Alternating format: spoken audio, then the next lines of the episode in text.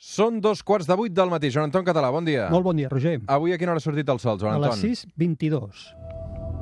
3, 2, 1, seganya!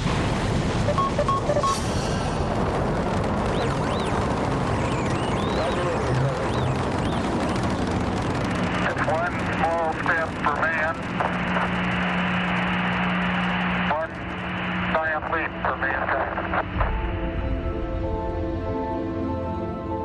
Joan Anton, com anem? Molt bé, i tu? Tot bé? Prova bé l'estiu, aquesta calor? Uf, Déu-n'hi-do, eh? Quina calor. Amb el Joan Anton Català, cada diumenge a l'hora que surt el sol mirem cap al cel, ens fixem en aquesta astronomia variable, eh, bàsicament. Um, I avui eh, ens volíem fixar també en un fenomen que són els eclipsis sol eh, solars, Sí, sí, els eclipsis de sol. Perquè eh, en aquest cas en tenim una a tocar, que seria aquest dimarts, dia 2 de juliol, Mm -hmm. però només serà visible al sud de Xile i a l'Argentina. Sí, haurem de viatjar una mica. Si Avui viatjarem una mica per parlar sobretot dels eclipsis de sol. Now it's getting dark and the sky looks sticky, more like black treacle than tar. Ara s'està fent de nit i el cel és de color negre i no blau, que canten els Arctic Monkeys, perquè el que passa quan tenim un eclipsi de sol és que es fa de nit, Joan Anton, bàsicament, no? Sí, sí, es fa de nit, surten les estrelles, baixa la temperatura, és una cosa increïble, increïble. A veure, anem a pams. Què és un eclipsi solar? Mira, un eclipsi solar és quan la Lluna es posa entre el Sol i nosaltres. Per tant, el disc de la Lluna ens tapa part o tot el Sol. Ara en parlarem dels diferents tipus d'eclipsi que hi ha. Per tant, per això es fa de nit, no entenc? Exacte, perquè deixem de veure el Sol. Eh, anomenarem un eclipsi parcial de Sol si el disc de la Lluna només és capaç de tapar una part del disc del Sol. Per tant, tenim eclipsis parcials i eclipsis totals. Totals, que és quan justament la Lluna ens tapa tot el Sol. I aquí és on es fa de nit, és on surten les estrelles de dia, és on baixa la temperatura, és absolutament espectacular. Per què es produeixen els eclipsis de solars? Clar, fixa't, és una coincidència eh, afortunada de la natura entre la dimensió aparent en la que veiem el Sol i la Lluna, tot i ser tan enormement diferents, de mida real, eh, com que un està molt lluny, 150 milions de quilòmetres al Sol, i l'altre està només a 380.000 quilòmetres, la Lluna, dona la casualitat de que es veuen de la mateixa mida, de la mateixa dimensió. I això fa que la Lluna pugui tapar perfectament el Sol. Només que la Lluna eh, estigués una mica més lluny o fos una mica més petita, no, no podríem tenir eclipsis totals, perquè no podria tapar tota l'esfera del Sol. Què és un eclipsi solar anular? Molt bé, com que eh, la Lluna, i n'hem parlat diverses vegades, el tema de les superllunes, per exemple, eh, com qualsevol objecte no fa un cercle perfecte al voltant de la Terra, sinó que hi ha vegades que està més a propet de la Terra i altres més lluny, quan està una mica més lluny no és capaç de tapar el Sol completament, ni que es posi al davant. I llavors deixa al descobert un, un petit eh, anell molt fi, molt fi de sol que la Lluna no és capaç de tapar i això n'anomenem eclipsi anular. Vindria a ser un total on la Lluna ha intentat tapar però no ha pogut perquè és massa petita com per fer-ho. Mm. Um, cada quan es produeixen els eclipsis, Joan Anton? Eh, Normalment, cada any, obligadament, n'hi ha d'haver com a mínim dos de sol, com a mínim. Eh? N'hi ha vegades que n'hi ha tres o fins i tot quatre, però cada any com a mínim n'hi ha dos de sol. Però els més espectaculars, aquests totals, Clar, són aquests. El que passa que, clar, a diferència dels eclipsis de lluna, tu un eclipsi de lluna t'és igual on siguis de la Terra que el veuràs sempre i quan estiguis a la part de la nit, eh? a l'hemisferi on és de nit. Però els de Sol no. Els de Sol, per un tema de geometria, t'has de col·locar en una franja concreta de la Terra per on passa, diem, que passa o transcorre l'eclipsi. I això són franges molt primetes, de 200 o 300 màxim quilòmetres, molt llargues, això sí, milers de quilòmetres, però molt primetes. I molts dels eclipsis, com que el nostre planeta és bàsicament amb oceans, està cobert d'oceans, molts dels eclipsis passen aquest, aquesta trajectòria sobre el mar, sobre els oceans o en zones molt deshabitades, eh, d'Àsia o d'Oceania o d'Àfrica. Amb la qual cosa, tenir un eclipsi d'aquells que sigui fàcil de veure, tot i que en se produeixen dos a l'any, és molt complicat. mm, per què no són visibles des de tot arreu, Joan Anton? perquè eh, quan dibuixes la geometria, aquesta geometria tan diferent entre la mida de la Lluna i la mida de la Terra, la Lluna està a prop i llavors, tot i que ens tapa completament el Sol, hem d'estar situats justament, diríem, absolutament alineats amb ella perquè ens el tapi. Només que sobre la superfície de la Terra ens allunyem un moment, una mica d'allò, ja no el veurem total. Ja veurem que el disc de la Lluna tapa el Sol, però no el tapa totalment. Tu has agafat avions o has fet viatges Sí. expressament per anar a veure eclipsis? amb la família. Em vaig fer un el 2017 eh, a la part oest d'Estats Units, que hi havia el gran eclipsi americà que tothom en parlava del 2017, sí. Mm -hmm. Um, o sigui que... Fric important, deixa'm-ho dir així, eh? Home, per veure'n un... No, el que ha... No, jo recordo, jo recordo de molt petit amb els meus pares a París um, que es va fer de nit. Sí, i, i ho recordarà sempre, un eclipsi, segurament, sí, això. sí, sí, era un És que no, no s'oblida mai. Fa de molts, fet, molts anys, molts anys, vull dir que... de fet, jo vaig gravar, vaig deixar gravant, a part de càmeres i tal, vaig deixar gravant un enregistrador de veu uh, perquè hi havia molta gent en allà, les expressions de la gent eren, en el moment en què es va tapar i es va fer de nit, bueno, i les expressions de les meves filles van ser espectaculars, algunes irrepetibles, Mm. uh, perquè és que això, no oblides mai, et sembla impossible que es pugui produir allò. I històricament, quan passava un fenomen d'aquesta mena, eh, ho interpretaven les tribus o l'espècie humana com que era Déu que els castigava, no? Imagina't, no podien entendre què passava. Avui tenim l'explicació científica, però llavors no en tenien ni idea, ni tan sols no ho podien preveure Mm. quan passava allò. Imagina't l'impacte que això devia suposar per ells. Um, doncs tot això és el que avui ens està explicant el Joan Anton Català. Avui un capítol dedicat als eclipsis solars a la Terra es plana, aquest espai que fem a l'hora que surt precisament el Sol, al suplement. A veure, Joan moltes, moltes precaucions també perquè entenc que eh, quan observem un fenomen d'aquesta mena i a més a més tractant-se de l'eclipsi solar, encara que quedi tapat el sol, eh, s'han de fer servir ulleres. Sí, sí, de fet, eh, cada any es produeix... Eh, hi ha gent que perd la vista al món eh, o que, que li queda molt malmesa justament per eh, observar o intentar observar el Sol i, les, i els eclipsis sense precaució. Pensem que fins al mateix moment en què la Lluna el tapa completament i fa de nit, fins a aquell mateix moment el Sol té suficient potència com per cremar immediatament a la retina. Per tant, s'han d'utilitzar ulleres especials, homologades, sempre dic el mateix, jo quan era petit es deia no, no, pots utilitzar un vidre fumat o una radiografia. Això és super insegur i, de fet, molta de la gent que ha perdut la vista és per utilitzar mecanismes que no són segurs. Són instruments, són ulleres que no són cares, però són homologades especialment per l'eclipsi. I només en el moment de la totalitat, que és quan s'ha fet de nit, llavors sí, et pots treure les ulleres i pots gaudir a, a simple vista d'aquell espectacle. Són com aquestes ulleres de cartró, per això, Sí, de, sí, sí, de posa sí. i treu, eh? Exacte, el que passa són amb el, el, el vidre que porten, que és un plàstic És un especial, plàstic, sí, és un sí. filtre, és un filtre astronòmic homologat per poder veure el, mirar el sol. Ah, recordo una vegada que vam dedicar un capítol als eclipsis lunars que dèiem que passaven per diverses fases. Mhm. En el cas dels eclipsis solars també passa? Sí, normalment el que succeeix, bueno, normalment no, sempre, el que succeeix és que la Lluna, a poc a poc, el disc de la Lluna comença a mossegar el Sol. Veus la figura del Sol i li veus com si tingués una fase, igual que la Lluna, que li comença a créixer i és el disc solar que es va col·locant per sobre. Això pot durar més, més que una hora, mentre vas veient a poc a poc com es va cobrint el Sol. Apenes es nota la diferència en la llum de l'ambient ni amb la temperatura. Només als últims moments comences a notar que ha baixat molt la intensitat de la llum del dia. Aquesta és la primera fase.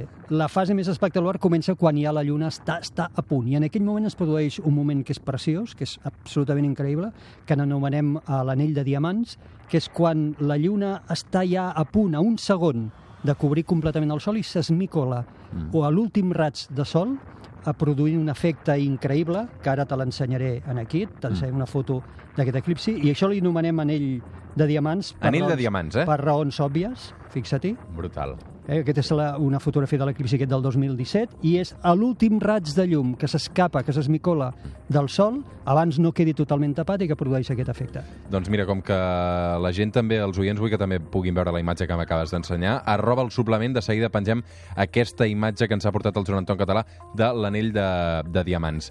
Escolta'm, quan dura un eclipsi? Eh, Tot això dura hores, però la fase de la totalitat, aquesta fase que comença amb l'anell de diamants i que ja et pots treure les ulleres i pots bocabadat mirar el cel, dura uns minuts entre un minut, dos, tres màxim minuts en funció del tipus de, de, de l'eclipsi en concret, del lloc on estiguis, etc. En aquell que jo vaig anar a veure va durar dos minuts i cinc segons, o dos minuts i deu segons, molt poc. Tu quan passa un fenomen d'aquests que saps que dura dos minuts, eh, quan te'n vas a veure una aurora boreal, que no tinc ni idea quan, quan Mm, dura tampoc, molt però... més, sí. eh, en el cas de l'aurora dura molt més, però un eclipsi que saps que tens dos minuts per gaudir-lo, tu aprofites aquells dos minuts per fer fotografies o dius, no, no, escolta'm, deixeu-me les màquines, deixeu-me en pau, perquè jo això ho vull gaudir sense instruments que m'alterin aquests dos minuts de glòria i vull viure aquest moment tot i que sé que després no el podré immortalitzar per la meva pròpia Mm. pell, sinó que ho hauré de fer a través doncs, d'altra gent que també s'hi hagi dedicat. tu molt, què decideixes molt fer? bona pregunta, perquè hi vaig estar pensant la tira de mesos. Eh? Jo ja tenia contractat el viatge,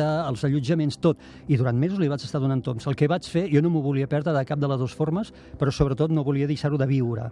Per tant, el que vaig fer és programar la meva càmera, fer moltes proves, moltíssimes proves, i el mateix dia també, el mateix dia de l'eclipsi també, allà on estava, en un càmping, en un acampament, al mig del desert, i vaig deixar programada la càmera per poder fer-ho tot el més automàticament possible i jo poder mirar el cel i gaudir. Això és com, eh, perdona el paral·lelisme, eh, però això és com quan vas al Camp Nou i Messi xuta una falta que saps que és perillosa i que pot acabar amb gol. Ah? I la gent es dedica a fer fotos. I jo no suporto a fer vídeos, saps? Jo no, no, no ho vull veure a través del mòbil. A través del mòbil ja el veuré la repetició a casa. Jo vull veure a ull nu sense res. Ah. Sí, I, el que passa que, eh, I, la- Però tu veus els moments de flaixos allà. Clar, el que passa que en, en el cas del flash no et sortirà res. És probable que no et vegis, no et serveixi per res. En aquest cas sí, són aquestes fotos que t'he ensenyat, i les recordes, les tens de record tota la vida, perquè aquests dos minuts no els oblides mai, però els detalls, Mm. com era aquell sol, com es veien les tempestes solars al seu voltant. Això és difícil d'apreciar si no li has fet fotografia, que pots ampliar i que pots veure aquests detalls que si no s'escapen absolutament. Joan Anton, la Lluna ha d'estar en alguna fase determinada quan es produeix una Sí, eclipsi sí, de sol? obligadament. Obligadament la lluna ha de ser lluna nova. Lluna nova perquè pugui haver un eclipsi de sol. Tot i això, no totes les llunes noves donen eclipsi de sol. I això és per un tema també de geometria. Moltes vegades, la majoria dels casos, la lluna nova passa per sobre o per sota del Sol, de dia. Per sobre o per sota, perquè la seva òrbita està inclinada respecte al pla de l'òrbita Terra-Sol. Només és quan coincideixen aquestes dues òrbites que la, la lluna es col·loca exactament pel davant, en aquell moment és eclipsi de Sol. Per tant, si hem dit que el dia 2, aquest proper dia 2, hi ha eclipsi de Sol, a Xile i Argentina, vol dir que hi ha lluna nova el dia 2, Mm. obligadament. En quants eclipsis de sol hi ha un mateix any? Un mateix any n'hi ha dos de Sol, com a mínim, i de lluna ha un número variable, però de Sol n'hi ha com a mínim dos. D'aquests que es faci de nit a Catalunya, el proper quan serà? No, haurem d'esperar el 2026, 2026. però en tindrem un espectacular que passarà pel sud de Catalunya. M'ho apunto a l'agenda. Sí, sobretot haureu de venir cap a les meves terres, Tarragona, perquè allà tindrem eclipsi total. Barcelona ens heu, A quina hora- haureu... a quina hora, a això? Sabadell us haureu de, de conformar amb un eclipsi parcial. Amb una mica núvol, no? Uh, no, bueno, Fos. esperem que no estigui núvol, però no serà total. Per veure el total haureu de venir cap a Tarragona, les, A Terres hora- de A quina hora, l'Ebre. això, a quina hora? Uh, crec recordar que és al capvespre. Ara t'ho dic de memòria, però crec que és en el, cap a les 7 o quarts de 8 del, del vespre. No, perquè a vegades si, si a les 12 del migdia es fa de nit encara és més espectacular, no? Perquè, clar, dius, clar. escolta'm, En el cas dels Estats Units va fer fosca a les 11 del matí. Era una, I a més era desert, eh, una calor... I ens vam haver d'abrigar. És a dir, en aquells minuts ens vam haver d'abrigar. Va ser una cosa... A veure, deixa'm preguntar-te una cosa, perquè avui estem parlant dels eclipsis, eh, en aquest cas, eh, de sol, però un eclipsi de sol des de la Lluna com es veuria? Ah, molt interessant. Es veuria al revés, perquè des de la Lluna els llunàtics ho veuen tot al revés de com ho veiem nosaltres. Ells veurien que és eh, la Terra la que es posa... No, no, perdona, la Terra. Ells veurien que l'ombra que la Lluna fan, que ells fan, es projecta contra la Terra. Veurien la Terra i veurien una rodoneta d'ombra que corre sobre la superfície de la Terra, que seria la seva pròpia ombra. Seria l'ombra que, que, que fa el Sol de la Lluna projectada contra la Terra. Per tant, ha de ser també molt espectacular veure com corre aquesta taqueta d'ombra que ells mateixos fan eh, sobre la superfície de la Terra. Joan Anton, per què són tan importants eh, científicament aquests eclipsis? Perquè- Què ens expliquen? Mira, moltes coses, i una de les més importants és que el Sol la rodeja una zona que anomenem la corona solar, que només podem observar quan es tapa el Sol en un eclipsi total de Sol, perquè el Sol brilla tant que ens amaga aquesta zona, aquesta regió externa que té que anomenem corona. I la corona és molt important d'estudiar perquè creiem que és la que provoca o intervé a les tempestes solars i no entenem com funcionen els processos eh, a la corona. Per exemple, la corona està a milions de graus de temperatura i no sabem per què està tan calenta quan la superfície del Sol només està a 6.000 graus. I en canvi l'exterior, ja quan ets fora del Sol, assoleixes el milió a vegades els 2 milions de graus, no ho acabem de saber. Per tant, és moment ideal per estudiar la corona solar. Mm. Tot això és el que està investigant també la sonda Parker? Eh, La sonda, sí, la sonda Parker està investigant molt més. Està investigant no només eh, la corona, que també, sinó també com es produeixen alguns fenòmens a la mateixa superfície del Sol i com funciona la magnetosfera, tot el tema dels camps magnètics del Sol. Mm -hmm. Doncs tot això um, ho podrem veure a casa nostra, uh, sobretot cap a les comarques tarragonines, el 12 d'agost del 2026. No sé si teniu plan ja. Eh, pues ja no sé en què cau, eh? no sé en què cau. No sé jo tampoc cau. no he mirat. Jo cap no he al mirat. vespre. 12 d'agost del 2026, proper eclipsi solar, eh, en aquest cas que ens afectarà a Catalunya. Abans, però, també han de passar moltes i moltes coses, com per exemple que un dia d'aquests el Joan Antoni i jo ens trobarem a l'Observatori Fabra, Uh -huh. Perquè tu hi estàs treballant molt aquest Sí, estiu. molt, molt. Recordem allò dels sopars amb estrelles, el Joan Anton Català és el ponent principal aquest estiu a l'Observatori Fabra, conviden a mirar el cel acompanyats doncs, d'un expert científic, en aquest cas aquest estiu sobretot eh, molts dies, quins dies exactament? Els dimecres, divendres, dissabtes i diumenges. Doncs déu nhi um, Quatre dies a la setmana que trobareu al Joan Anton Català amb un entorn preciós, amb un menjar també deliciós. Um, a mi no em paguen eh, per colar aquesta falca, però és que he viscut l'experiència No, i, i val molt, molt la pena. Per què dic que ens veurem aviat les cares també fora de l'estudi? Doncs perquè molt aviat anirem a l'Observatori Fabra a mirar la Lluna, Joan Anton. Perfecte. Anirem a mirar la Lluna perquè, com bé saps, d'aquí, res, escassament dues, tres setmanes, farà 50 anys que l'home va trepitjar per primera vegada a la Lluna Mhm. amb aquella frase celebrada de, de Neil Armstrong. Hem preparat un reportatge al suplement Que bé. I, i encara no us podem avançar gaire cosa, però el Joan Anton, evidentment, tindrà una petjada important. Una petjada. Una petjada Home. important. Um, jo crec que és molt interessant. Perfecte. Uh, tu te'n recordes de... Absolutament. Sí, quants anys tenia, Joan Anton? Mira, jo en tenia 8, Vuit jo en tenia anys. 8 i recordo haver-ho vist per un televisió en blanc i negre, era al vespre, si no recordo malament, em va avisar la meva mare i vaig anar cap a la televisió badant i veia allò que no, no sabia ben bé, no sabia interpretar exactament la transcendència d'allò, però em semblava com una cosa molt important. Ja estaves fascinat pel cel amb 8 sí, anys? amb 8 anys ja estava fascinat pel cel. Volies ser astronauta, tu també? No, no, crec que mai ho he volgut. El que sí que he volgut és veure la Terra, m'agradaria veure la Terra des de fora, cosa que ja crec que no podré assolir. Però no, no, mai m'he plantejat ser astronauta, és O sigui, curiós. tu t'agradaria mirar la Terra des de la Lluna? Sí, per exemple, o, o en òrbita, és igual. A mi m'agradaria anar en òrbita per poder contemplar i boca badar mirar, mirant la Terra. Però hi ha fotos d'això. No, no és el mateix, no és el mateix. No, és el que abans deies de l'eclipsi, no, o, de, o del Messi, no és el mateix. Però, per exemple, tu, la sensació de- d'ingravidesa, tu l'has experimentat mai? No, no, aquí a la Terra, bueno, el màxim que Hi ha, podem... aqu hi ha aquestes... Sí. Saps? Aqu Sí, els túnels de vent. Els túnels de vent, correcte, no em sortia. Sí, les meves filles ho han fet, jo Tu no? encara no ho he fet. No, encara no ho he fet. Uh, la forma més uh, barata, si vols, i més propera és caure per una muntanya russa. Eh? En el moment en què tu caus, allò és eh, una sensació molt, molt, molt similar a com és la ingravidesa, que de fet no existeix la ingravidesa. I els astronautes de la NASA els entrenen en un avió que això puja molt a dalt, baixa, en diuen a l'avió del vòmit, perquè et facis una idea de Sí, sí, sí, el que sí. costa habituar-se a aquesta sensació, i és com si estessis caient tot el dia. Clar, ells s'acostumen, després de dies d'estar en ingravidesa, ells s'acostumen, però al començament sembla que és bastant dur, perquè és com estar caient tota l'estona. Recordo que aquesta mateixa pregunta li vaig fer fa unes setmanes al Pedro Duque i em deia precisament això, que, Mhm. que els principis um, són complicats. Tu ets de muntanya russa, Joan Anton? No, gens. no? El Dragon Khan no hi has pujat mai? No, mai, ni ho faré. M'ho dius de debò? De debò t'ho dic? Tu hi has pujat? Sí, home, sí. Sí. No, no, jo Tampoc no és que coses- sigui molt fan, però... però A mi m'agraden que- les aventures, però més Controlades. de... Bueno, i més de natura, de muntanya, de, de natura, d'animals, que Per no... exemple, no, les... no t'has tirat mai d'una avioneta, ni has fet mai puenting. No, no, mira, el de tirar-me una avioneta ho considero com una possibilitat. El del puenting no ho considero gens, perquè és que no hi trobo el què. És a dir, que, que, quin és l'objectiu, saps? El de l'avioneta sí. Perquè Mm. Jo ho he pots- provat, eh? És divertit, eh? No, no ho dubto, però jo això de l'objectiu no l'acabo de veure. T'ho recomano, Joan Anton. Deixa'm mirar cap al cel per acabar, va. Som al Suplement, som a Catalunya Ràdio, acompanyats del Joan Anton Català. Això és La Terra es plana. Avui un capítol dedicat a les muntanyes russes i també als eclipsis solars. Joan Anton, què hi passarà al cel aquesta setmana, Doncs, si aixequem el cap? Com que hem dit que hi hauria lluna nova perquè hi ha un eclipsi de sol a Xile i Argentina, doncs tindrem una nit perfecta per mirar Júpiter, que regna tota la nit brillantíssim, al costat té Saturn, i podrem veure una nit espectacular. I em sembla, Roger, que el dia 4 de juliol també hi ha alguna cosa que s'ha de gaudir. Mira, el dia 4 estem pendents dels horòscops. Faig anys.